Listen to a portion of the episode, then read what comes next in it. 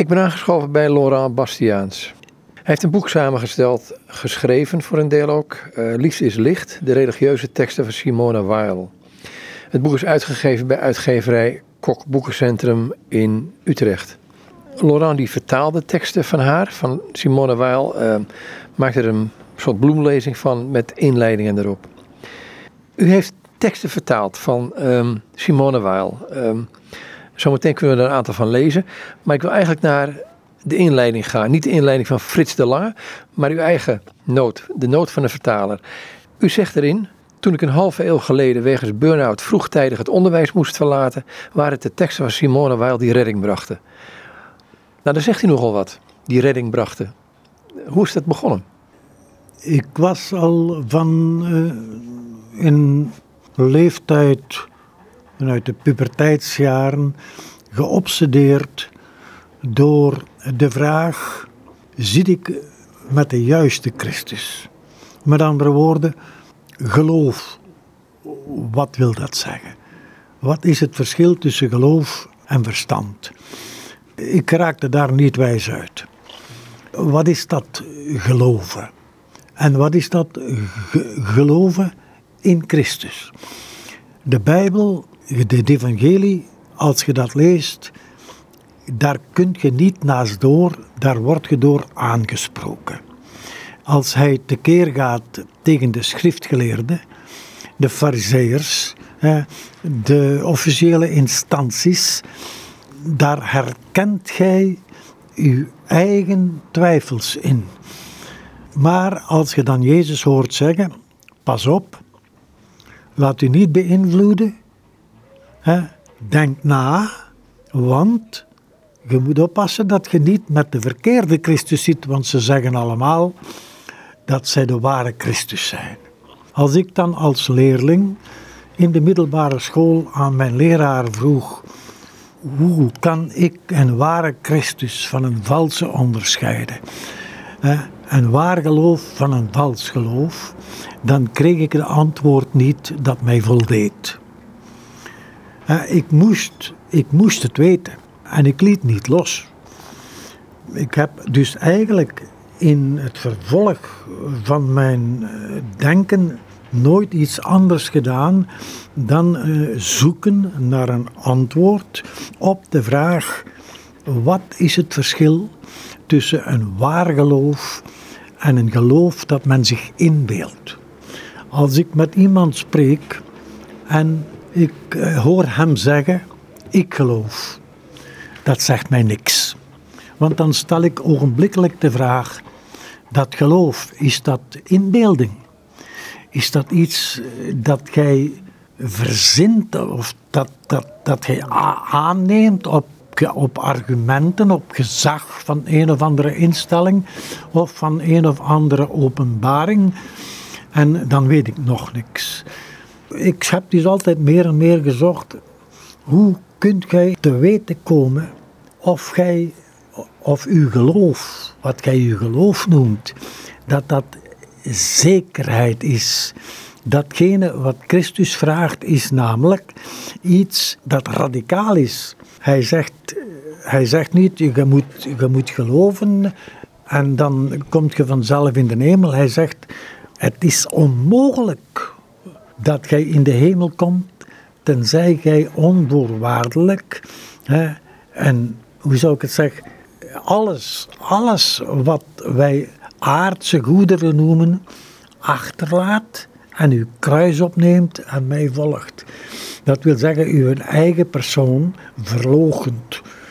Hij stelt dus, hij vraagt dus in werkelijkheid iets dat onmogelijk is, dat wij niet kunnen opbrengen. En dan horen wij Petrus zeggen, hem tegen Petrus zeggen dat wat, wat onmogelijk is voor de mens, mogelijk is voor God. Ja, en dan staan we weer voor hetzelfde probleem. Dan staan we weer aan dat beginpunt. Dan weet ik weer niet, hè, wanneer heb ik het juiste geloof?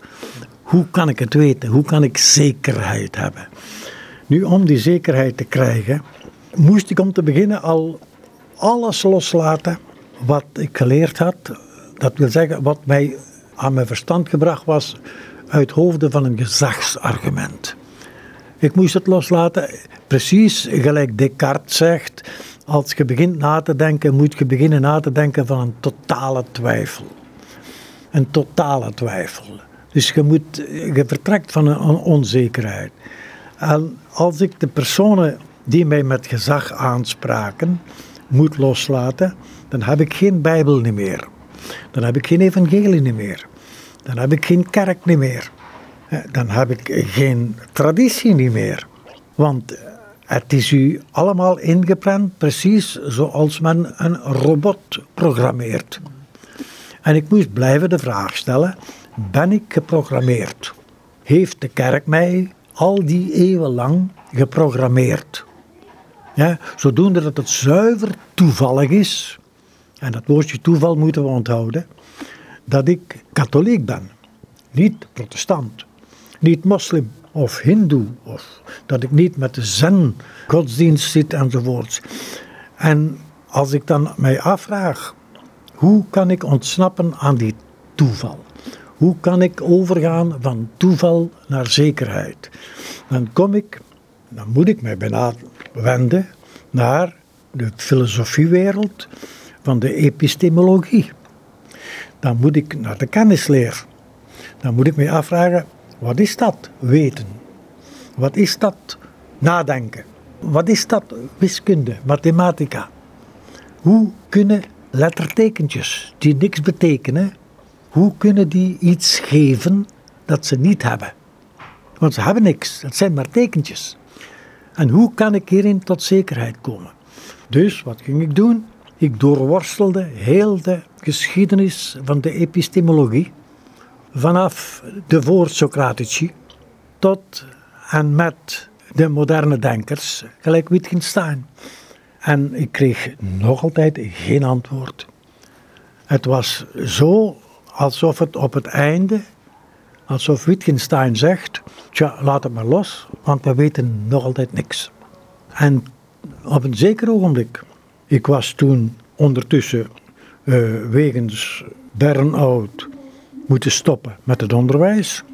En ik maakte kennis met een kunstenaar, een kunstschilder, die had in Parijs de werken gekocht van Simon Weil. En wij zaten s'avonds samen daarover te praten. En hij gaf mij die teksten. En vooral de tekst over het ongeluk. Eh, die, eh, die, de liefde van God en het ongeluk. Dat komt uit Attente de Dieu, hè? of uh, Wachten op God. Dat komt uit Écrit de Londres. Mm Attente de Dieu is, maar een bloem, is ook een bloemlezing mhm. van teksten. Hè? En het komt uit Écrit de Londres.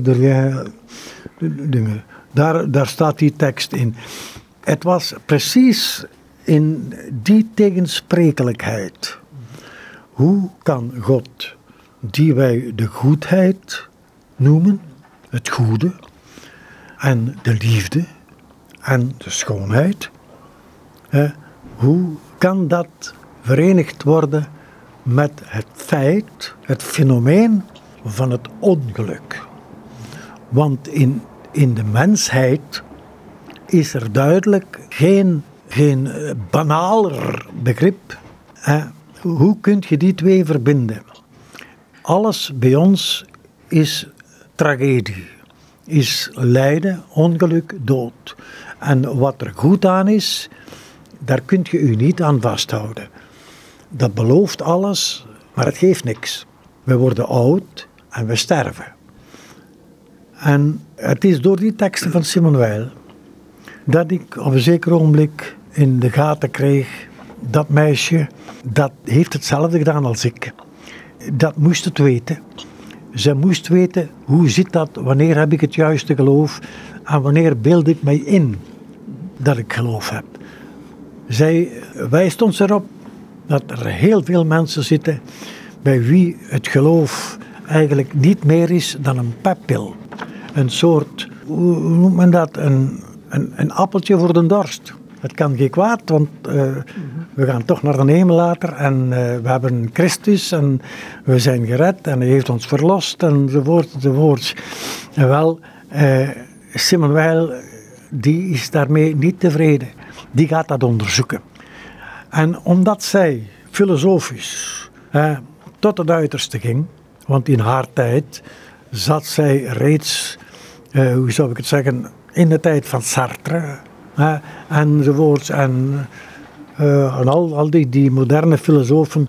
Zij was op gebied van de epistemologie tot de conclusie gekomen dat de kennisleer evenmin een antwoord gaf op de vraag of er een zekerheid kon bestaan of niet.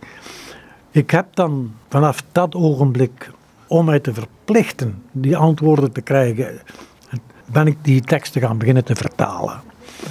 Als je iets vertaalt, dan zijt je verplicht te lezen wat er staat. Je kunt het niet vertalen zonder dat jij daarvoor een aandacht moet opbrengen. Een heel diepe aandacht. Nu is het woordje aandacht bij Simone Weil een van haar kernwoorden. Zij heeft daar ontzaglijk veel teksten over geschreven over het woordje aandacht. Wat is het verschil tussen een oppervlakkige aandacht en een intense aandacht? En een intense aandacht, dat is een aandacht die samenvalt met wat ze reeds in de tijd van de pre-Socratici noemde het bewustzijn van het zijn. waar trouwens de hele ontologie van de filosofie opgebouwd is. En het bewustzijn. Nu is het zo dat ik, ik had een bepaalde, ik had problemen met iets dat, eh, waarvan ik bijna zeker was dat de meeste mensen daar geen problemen mee hadden. Ik kreeg flitsen. Ik werd regelmatig geplaagd met ogenblikken dat iets precies gelijk een flits, dat was alsof ik wakker werd. Alsof ik in één keer besefte dat ik bestond, dat ik er was. als ik dan in de auto zat, dan stopte ik de auto. Dan ging ik lang naast de weg staan en dan dacht ik, ik krijg een meter meer verder. Of ik moet weten wat dat is. Daarna was dat weg dat bewustzijn was weg en ik was weer meer geïnteresseerd in de dingen waarmee ik bezig was. En de boodschappen die men moest doen. Het feit dat er problemen waren met de huishouding, met dat er moesten herstellingen uitgevoerd worden aan het huis enzovoort. En het maatschappelijk leven enzovoort enzovoort. Eh, totdat er weer zo'n flits kwam in ene keer dat kan gebeuren onder het lezen, dat kan s'nachts gebeuren, maar het kwam regelmatig terug. En ik ging dan vragen aan anderen, heb jij dat ook? Maar bijvoorbeeld bij mensen gelijk Simon Weil ben ik er heel zeker van dat die er regelmatig waren. Wat haar overkomen is in Assisi, toen zij daarin dat eh, bij dat kleine kapelletje stond dat Franciscus zelf gebouwd had. En dat zij op haar knieën viel en dat Christus eh, tot haar gekomen is en haar werkelijk aangesproken heeft. Dat las ik ook als zo'n soort flits. Ja, want zij zegt, het is me overkomen, ik heb er nooit om gevraagd. zelfs niet naar gezocht. Ja, inderdaad, zij, zij houdt vol. Ik heb, ik heb uh, God was mijn probleem niet, zei ze. Daar weten we niks van, daar, ga ik, daar, daar, daar heb ik nooit... Het is mij overkomen, zegt zij. Hè? Nu, natuurlijk, omdat ik een, een twijfelaar was, heb ik altijd opnieuw direct de vraag gesteld. Als u zoiets overkomt, is dat dan weer een soort inbeelding? Is dat dan weer een soort peppil? Is dat iets dat je u, dat je is dat waan of is dat realiteit? Dat, en het schoonste vooral is dat Simon Weil, als je haar geschriften goed kent, daar nooit een antwoord op gegeven heeft. Zij heeft dus in de verdere toestanden, ze heeft dat drie maal meegemaakt. Ene keer in Portugal, aan de kust. En ene keer in Solem, eh, in de kapel s'avonds, als ze de monniken hoorde Gregoriaanse zang zingen. En ze, eh, haar hoofdpijnen, haar bijna, hoe zou ik het zeggen, tot een soort zelfmoord dreven. En toen, men zij zegt, dat is mij overkomen. Christus heeft mij gegrepen. Hij heeft mij genomen. Ze spreekt alsof het over een soort huwelijksdaad gaat. Gelijk alle grote mystici. Eh, inderdaad, het, de, de huwelijk, het huwelijk, de huwelijksliefde als formulering gebruiken. En bij haar is dat ook het geval. En zij zegt, daar, sinds, die, sinds die ogenblikken, daarna was ik niet meer dezelfde. Daarna was ik niet meer dezelfde. Ik heb daar altijd, dat heeft dus altijd meegewerkt in het verdere verloop van mijn leven. Maar ik ben er heel zeker van dat zij, in zoverre zij wiskundige was en uh, filosofe, dat zij alleen op haar verstand voortging en nooit rekening gehouden heeft in wat zij schreef met datgene wat haar overkomen was in die ogenblikken van, hoe zou men kunnen zeggen, van transcendente openbaring. Nu, heel veel schrijvers leggen volgens mij veel te veel nadruk op die transcendente ervaringen waarvan men toch nooit kan weten, is het iets dat zich afgespeeld heeft in de hersenen? Is het een soort waantoestand? Is het een, hoe zou ik het willen, uh, uh, als men iets heel graag heeft en men iets heel fel verlangt, dan kunnen er zich ogenblikken voordoen dat men uh, een soort illusionair in zich krijgt en men kan daar eigenlijk nooit echt zekerheid hebben. Zekerheid heb je daar nooit. En ik moest zekerheid hebben. Ik kon moeilijk staan op een Christus waarvan ik geen zekerheid had. Naar gelang dat ik, dat ik vorderde in het bestuderen van die teksten van Simon Weil, begon ik te beseffen dat zij dan ook helemaal niet voortgaat op openbaringsgegevens als zodanig, maar dat zij de wetenschappelijke weg verkiest. De wetenschappelijke weg, zij gaat dus terug, waar is de wetenschap ontstaan? En zij gaat terug naar de voor-Socratici in Griekenland. Zij gaat die volledig opnieuw bestuderen. En van daaruit komt zij, maakt zij heel die evolutie opnieuw door tot aan het moderne denken. En dan komt er een ogenblik waarop dat je begint te beseffen dat, dat hier dezelfde, dezelfde vraag gesteld wordt. Op een zeker ogenblik gaat men zich als wetenschapper afvragen, wat weet ik nu precies? Wat heb ik nu, waar kan ik op staan? En dan beseft men dat er geen enkele wetenschapper is in de hele wereld die ergens kan opstaan.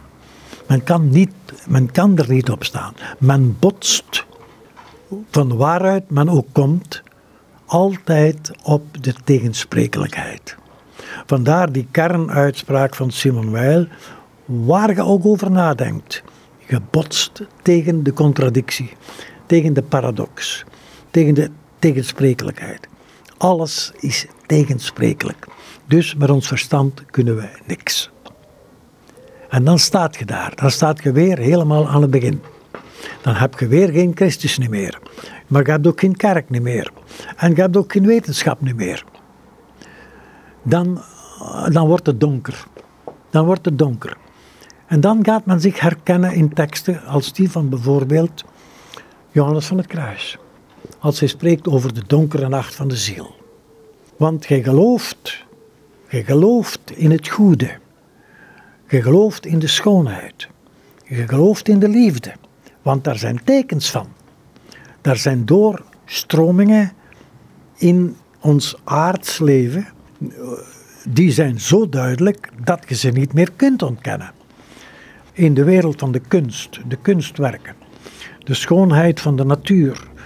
De schoonheid van een gedicht. De, de schoonheid op alle punten, op alle mogelijke punten, de schoonheid en de goedheid bij sommige mensen, de tekens en de blijken van liefde. Dat zijn allemaal duidelijke tekens die je niet kunt ontkennen.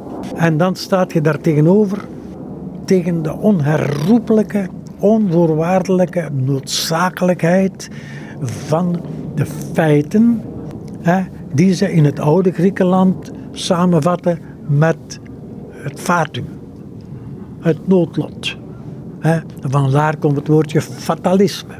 En dan moet je de volgende stap zetten. En die volgende stap die zet je in, in de duisternis. Er is, er is niks meer waar je nog kunt aan vasthouden, behalve aan die ene zekerheid die je hebt dat het goede reëel is. Je moet blijven geloven in het goede, ook al is het niet. De grote leraar van Simon Weil, Alain Chartier, die zegde tegen Simon Weil in de les: Je moet het goede willen, want het bestaat niet. Dat was dus een tegenspreek, de formulering van een tegensprekelijkheid. En Simon Weil die zegt: Je moet op het goede staan, want, zegt zij, het goede is reëel. Dus wat ging ik doen? Ik ging zo lang zoeken in de teksten van Simon Weil, totdat ik de wiskundige formulering vond hoe zij dat benaderde, de zekerheid van het goede. Die, die kun je terugvinden in het, een van de voorlaatste hoofdstukjes van, dat, van die bloemlezing, waar zij zegt, het goede is reëel. Bladzijde 233. In die teksten die ik daar bijeen gescharreld heb, en die allemaal komen uit uh, het werk La Connaissance surnaturelle. Mm. En La Connaissance surnaturelle, dat is niks anders dan een stapeltje cahiers, waarin Simon Weil afzonderlijke gedachten van dag tot dag noteerde, maar nergens praktisch een doorlopende tekst. Ik heb die teksten dus eigenlijk geanalyseerd tot op de bodem.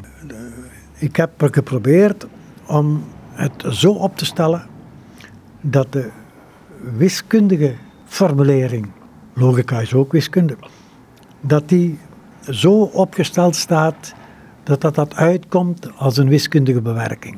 Dan ga ik toch een tekst eruit pakken, uit dat stukje. Daar staat onder andere, ik zal er een aantal, ik zal er één voorlezen. God is alleen maar het goede. Daarom is hij daar en wacht hij in stilte. Wie vooruit denkt en aanspreekt, oefent een beetje druk uit. Het goede dat enkel goed is, kan niets anders dan er enkel maar zijn zonder meer. Dus zij zegt, God alleen is het goede um, en hij wacht daar in stilte. Ja, zij zegt, God is het goede. Als ze dat zegt, dan zegt ze de term God en de term goed. Dat is hetzelfde. God is een ander woordje voor het woordje goed. Maar het is eigenlijk hetzelfde wat Jezus in het evangelie zegt. Er is er maar één goed, God is goed. Inderdaad. Hè. Natuurlijk, als wij het evangelie lezen, dan lezen wij dat niet zoals dat verstaan en gehoord werd 2000 jaar geleden. Als wij het evangelie, als wij dat Jezus horen zeggen, dan lezen wij dat met de oren van iemand die 2000 jaar later leeft. Als zich al een volledige ontwikkeling heeft voorgedaan, een evolutie, die volgens alle denkers een degradatie is, een omlaag gaan. Het, is, het gaat altijd verder en verder van de waarheid af. Het is de tweede wet van de thermodynamica. Alles is in verval, om het zo maar te zeggen. Ja, voilà, voilà, ja. Maar wij blijven ons afvragen, als Simon Weil dus zegt, het goede is reëel. Hoe kan zij dat uitdrukken? Hoe kan ze dat bewijzen? Hoe kan ze dat wiskundig bewijzen? Dat het goede niet een inbeelding is, maar realiteit.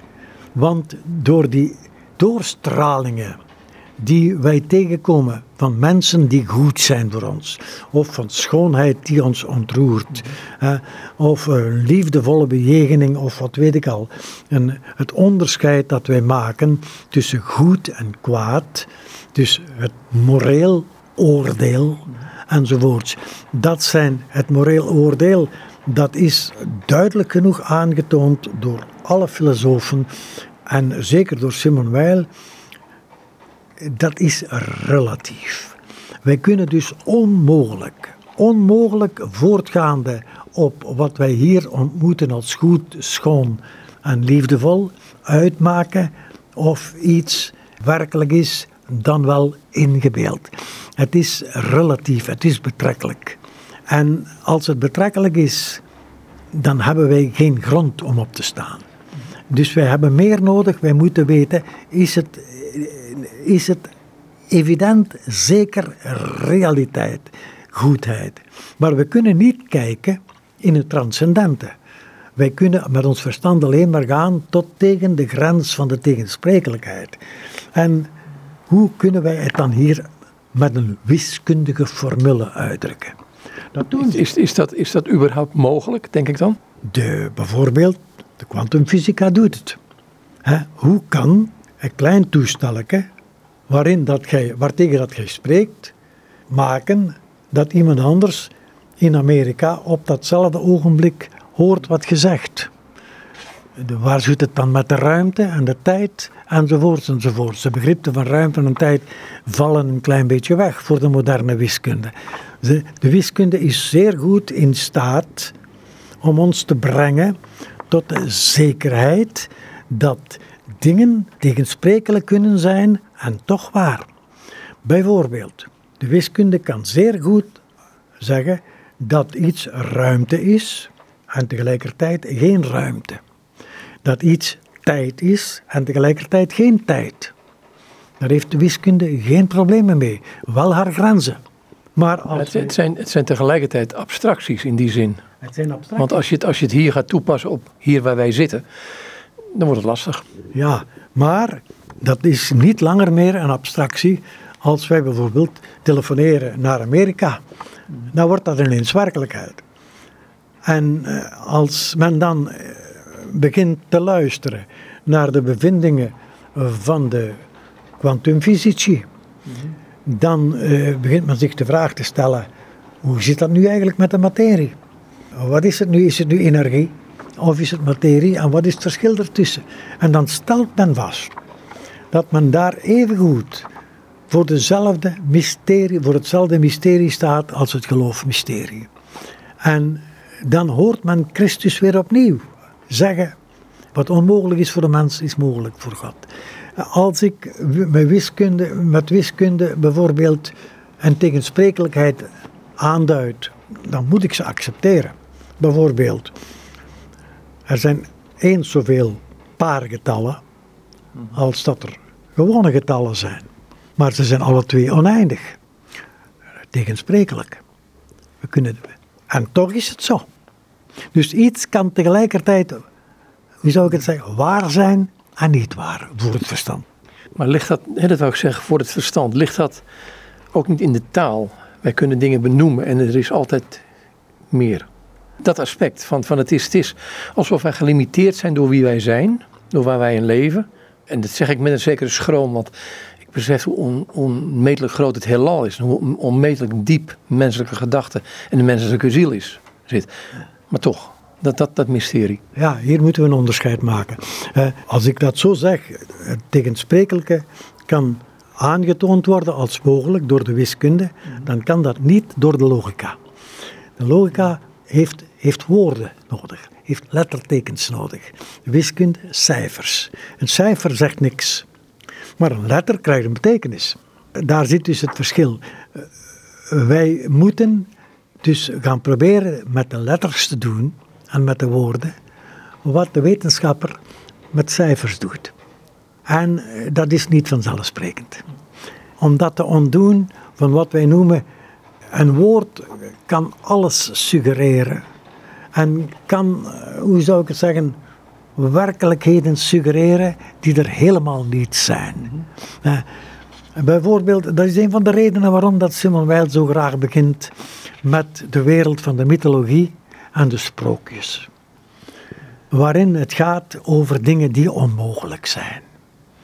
De prins zoekt zijn prinses en de prinses zoekt haar prins. En de wijze waarop zij dat doet en dat zich dat voltrekt, is gewoon tegensprekelijk. Het gebeurt en het lukt, maar het is niet mogelijk. En wij herkennen onmiddellijk de woorden van het evangelie. Als Christus zegt dat het mogelijk is. En dat geen oog heeft gezien en geen oor heeft gehoord enzovoort enzovoort. En zijn verhouding tot de Vader die in de hemel is. Hij drukt dat uit met woorden. Het evangelie, dat zijn geen cijfers, dat zijn woorden.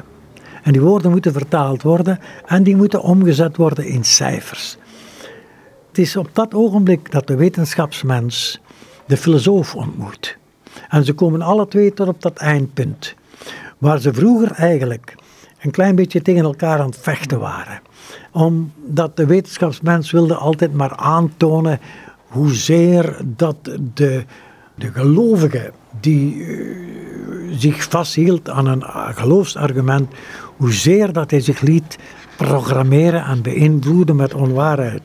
Dat is nu niet meer waar. De wiskundige staat nu in dezelfde nacht van het geloof als dat de filosoof staat. Identiek dezelfde. Zij zijn bij elkaar geraakt en nu gaan zij samen. Gaan zij die laatste stap doen en waar komen ze uit? In het evangelie.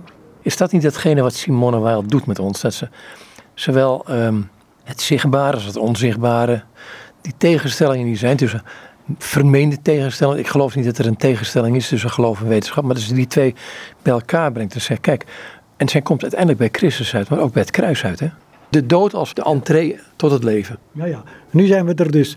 Simone Weil heeft dus die stap gezet. Zij heeft de wetenschapsmens en eigenlijk ook wat ze vroeger noemde de atheïst. Want een atheïsme heeft, heeft nooit bestaan. Die wetenschapsmens verenigt met de mythologische mens, met de filosofische mens en met de gelovige van een kerk. En die twee, ze staan nu in dat punt van de nacht van het geloof, die ook beschreven is door grote mystiekers als Johannes van het Kruis. En nu wordt de volgende stap gezet. Die volgende stap in de duisternis, waar staat die op? En volgens mij is dat, heeft Simon Weil daar een prachtige tekst op geschreven, die wij dus vinden in de benadering van de tegensprekelijkheid, de liefde van God en het ongeluk. En ook het, eind, het eindresultaat, de zekerheid dat het goede reëel is. Die zekerheid waar je kunt op staan als op een rots. Als de psalmist zegt, gij zijt de rots waarop ik sta. Gij zijt de berg waar ik u ontmoet. Dan zegt Simon Weil, de rots waarop ik sta en waar geen, er is geen twijfel meer. Daar, is, daar is geen twijfel meer. Dat is het feit dat ik de zekerheid heb dat het goede reëel is. Hoe je dat goede ziet, als persoon of onpersoon, dat interesseert me niet meer, zegt Simon Weil. Wij zijn aan een punt gekomen dat wij Christus, datgene wat Christus zegt in zijn evangelie, herkennen, waar hij zegt, het goede is reëel. En het is één. Het is één en het is absoluut. Het kan alleen maar één zijn. Dat is wiskundig 100% zeker. En als Christus zegt, mijn vader en ik zijn één, dan herkennen wij diezelfde wiskundige formule. Wij kunnen, wij kunnen dus nu niet meer de fout maken als Christus zegt, mijn vader en ik in één. Wie mij ziet, heeft de vader gezien. En ik ben door de vader gezonden. En ik gehoorzaam hem. En ik ben voorspeld door de profeten. Ze hebben mij voorspeld en van dit en van dat. En wie niet door mij komt, die komt er niet. Nu kunnen wij eindelijk inzien dat al die tegensprekelijke woorden inderdaad gewoon zuivere, klare waarheid zijn. En nu kunnen wij zeggen, die Christus die ga ik volgen.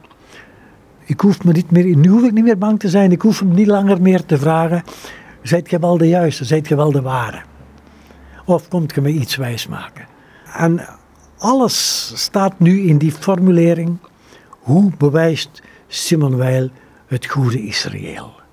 Hoe redeneerde zij om mij zo ver te krijgen dat ik in een keer zegde: nu heb ik het gezien. Nu heb ik het gezien. Dat gebeurt in een flits, in een ogenblik. Je ziet het of je ziet het niet.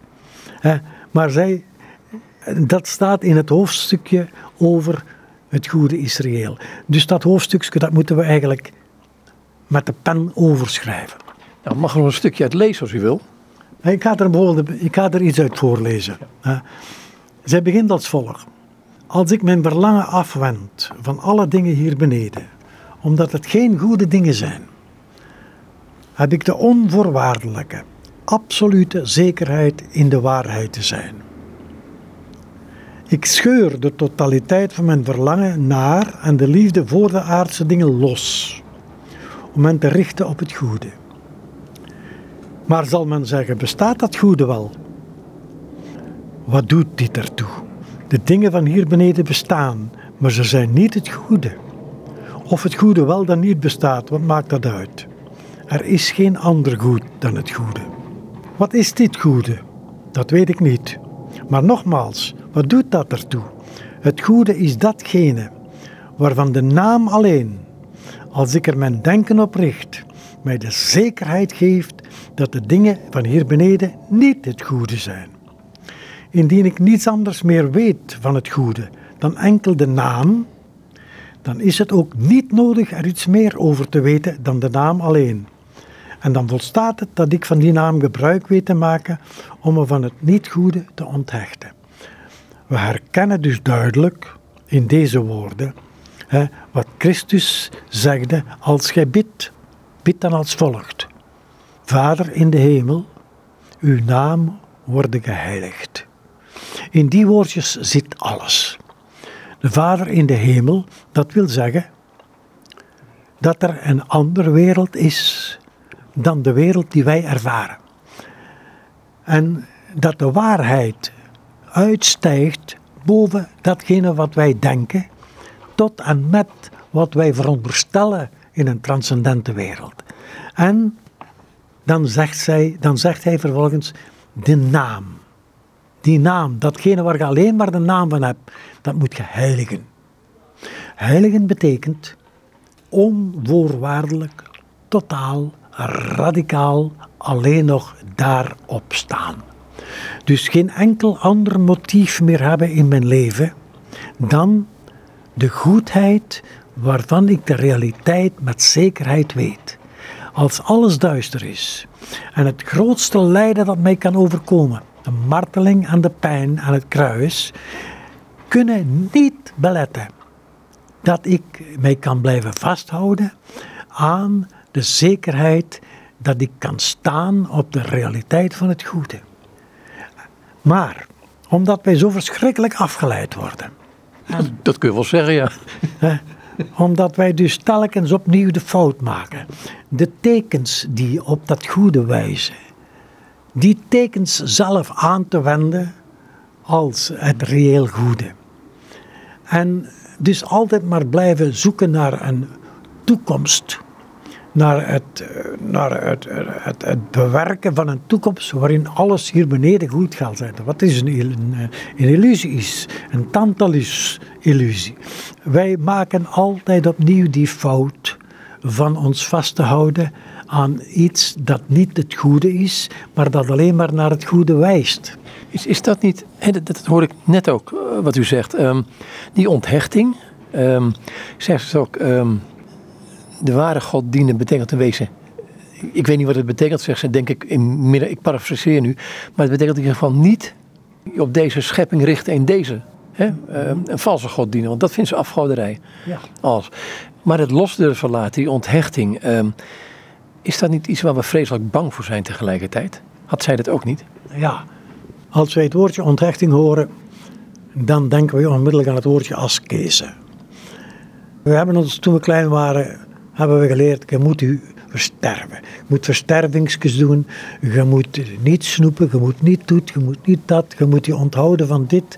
Je moet... Het was dus niet alleen zo dat wij de Griekse matigheid, matigheid wat van meetkunde komt, dat wij de maat en maat probeerden te houden en dat wij dus, laten we zeggen, ons gewoon zouden gehoorzaam onderwerpen aan de natuurwetten en wat de natuur vroegt. En alles wat te is, wat te, waar ik het woordje te voorzet, is schadelijk.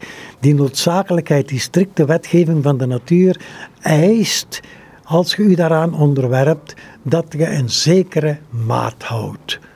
Nu, is dat een heel in sommige middens van de, van de christenen werd dat ook verkeerd begrepen. En daar werd de nadruk gelegd op een askese. Dat wil zeggen, hoe meer dat je je lichaam tuchtigt, des te meer gaat uw ziel in staat zijn de weg van Christus te volgen. En dat is niet waar. Bij Simon Weil zult je nergens, ook, maar ook nergens, een woordje horen over de askese.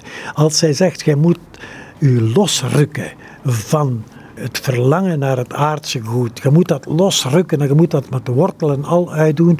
Dan bedoelt zij niet een askeze. Dan bedoelt, gij, ze bedoelt zij niet zoiets als een soort van masochisme. Als een zelfkwelling op een of andere manier. Zelfs, eh, hoe zou ik het zeggen het vermijden van de frustratie en hetzelfde wat.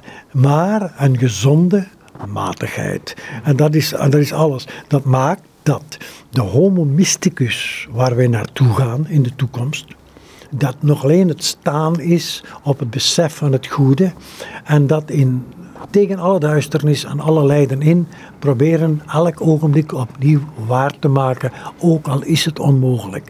Eh, dat maakt dat als je zo iemand zou tegenkomen, zo'n echte christen, dat je eigenlijk het verschil niet zou zien tussen die christen en iemand die, die heel fijn geniet van alles wat het leven kan geven. Uh, dus dat, dat, zo mogen we dat niet begrijpen. Uh, maar de onthechting, die moet totaal zijn.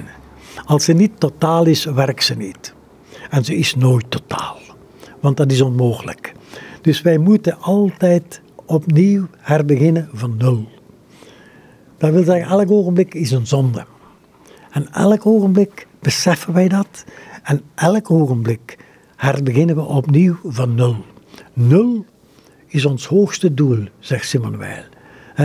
Zero is ons maximum. Meestal leven wij diep onder zero. Wat boven de zero is, dat is God, dat is de hemel. Maar wij moeten begrijpen dat hier het woordje oneindig het wiskundig woordje oneindig weer opnieuw begint mee te spelen. Dat wil zeggen, als wij elk ogenblik opnieuw beginnen, dan moeten we ons afvragen, wat is een ogenblik? En dat, daar is geen antwoord op. Er is geen enkel antwoord, filosofisch antwoord op. Tijd en ruimte blijven mysterie, evenals het transcendente.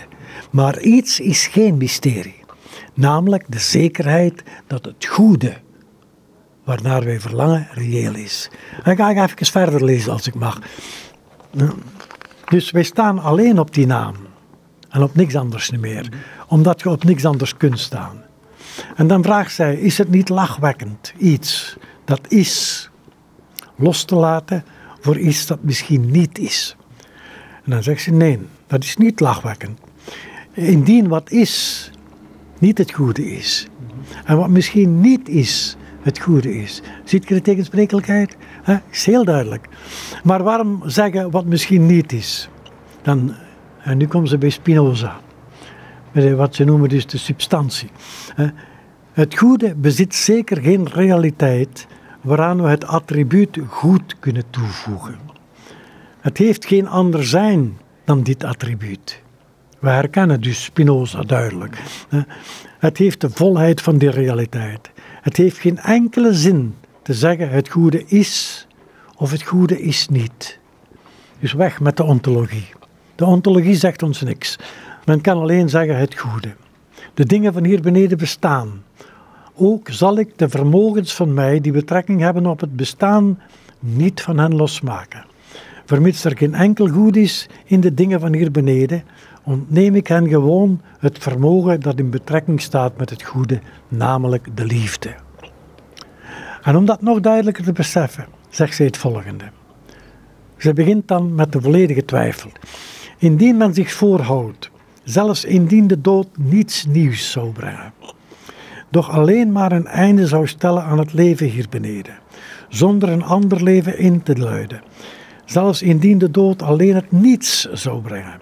Zelfs indien deze wereld hier totaal door God achtergelaten zou zijn. En zelfs als absoluut niets aan het woord God zou beantwoorden. En het alleen een product zou zijn van kinderlijke illusies. Aangenomen dat het zo zou zijn, zelfs dan, zelfs in dat geval, verkies ik nog liever te doen wat God mij lijkt op te dragen, ook al zouden daar afschuwelijke vorm van ongeluk uit voortkomen.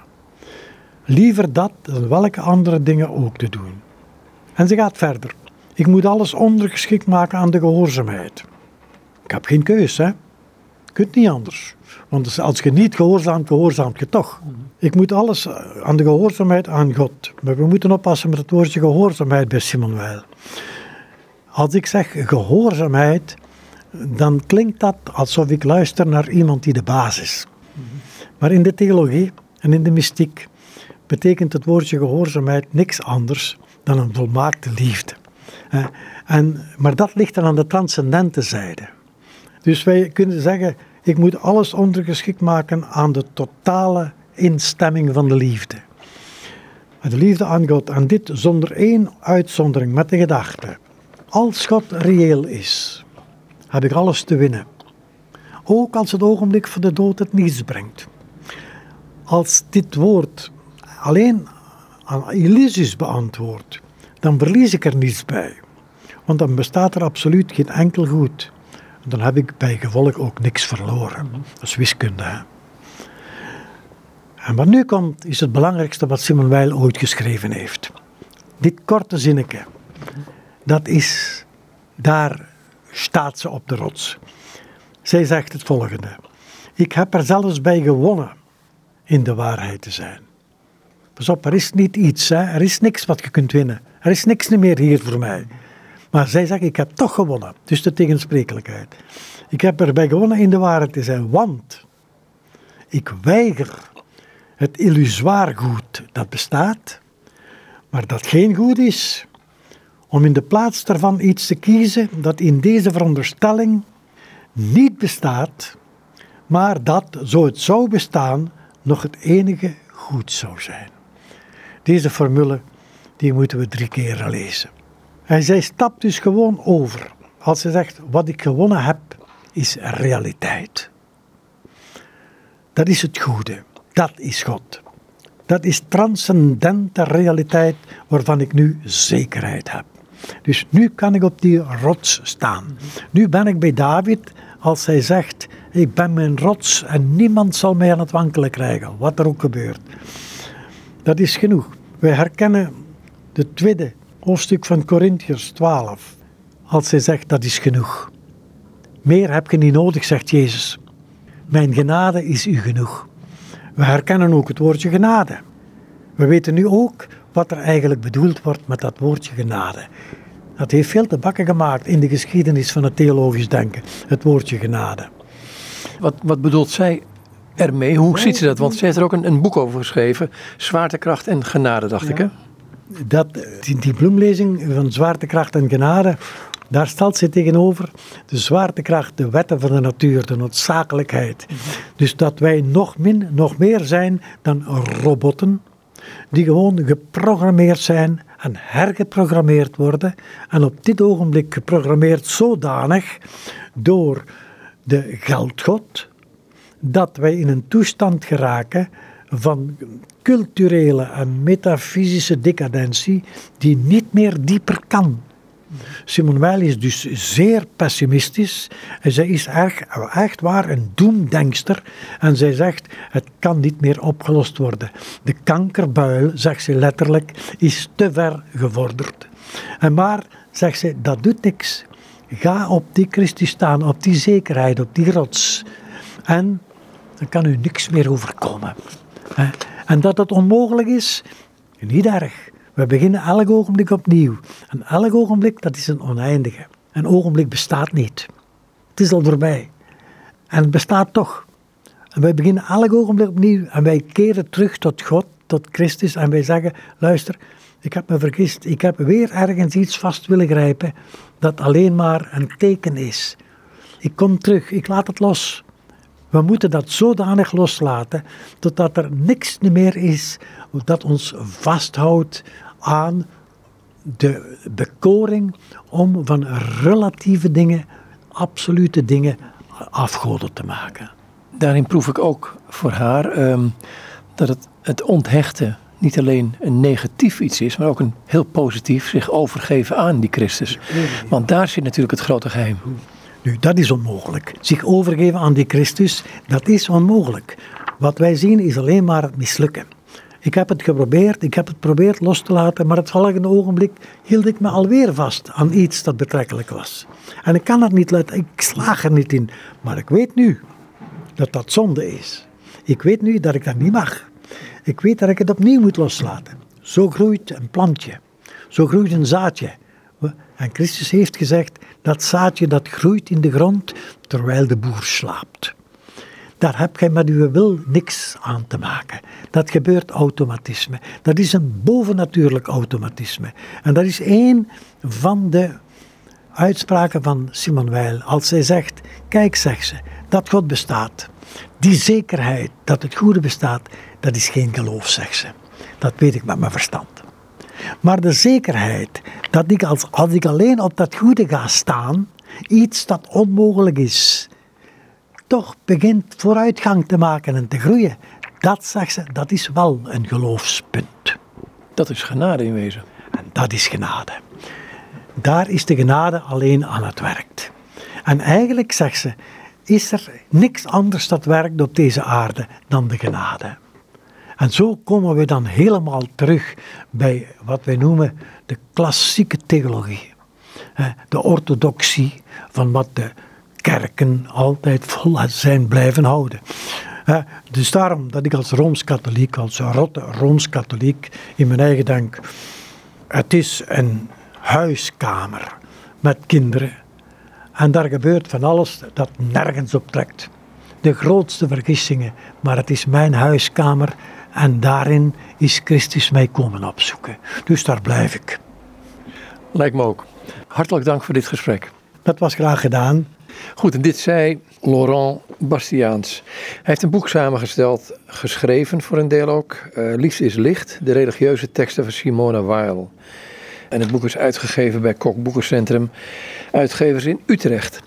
Misschien nog één tekst van het boek voor ik echt in mijn mond houd. Um, Thomas Halik, waarschijnlijk erg bekend op dit moment, die zei over Simone Weil. Simone Weil, mijn grote lerares in het geloof. Goed, daar kunt u het mee doen. Goed, zoals ik al zei, tot zover dit gesprek met Laurent Bastiaans.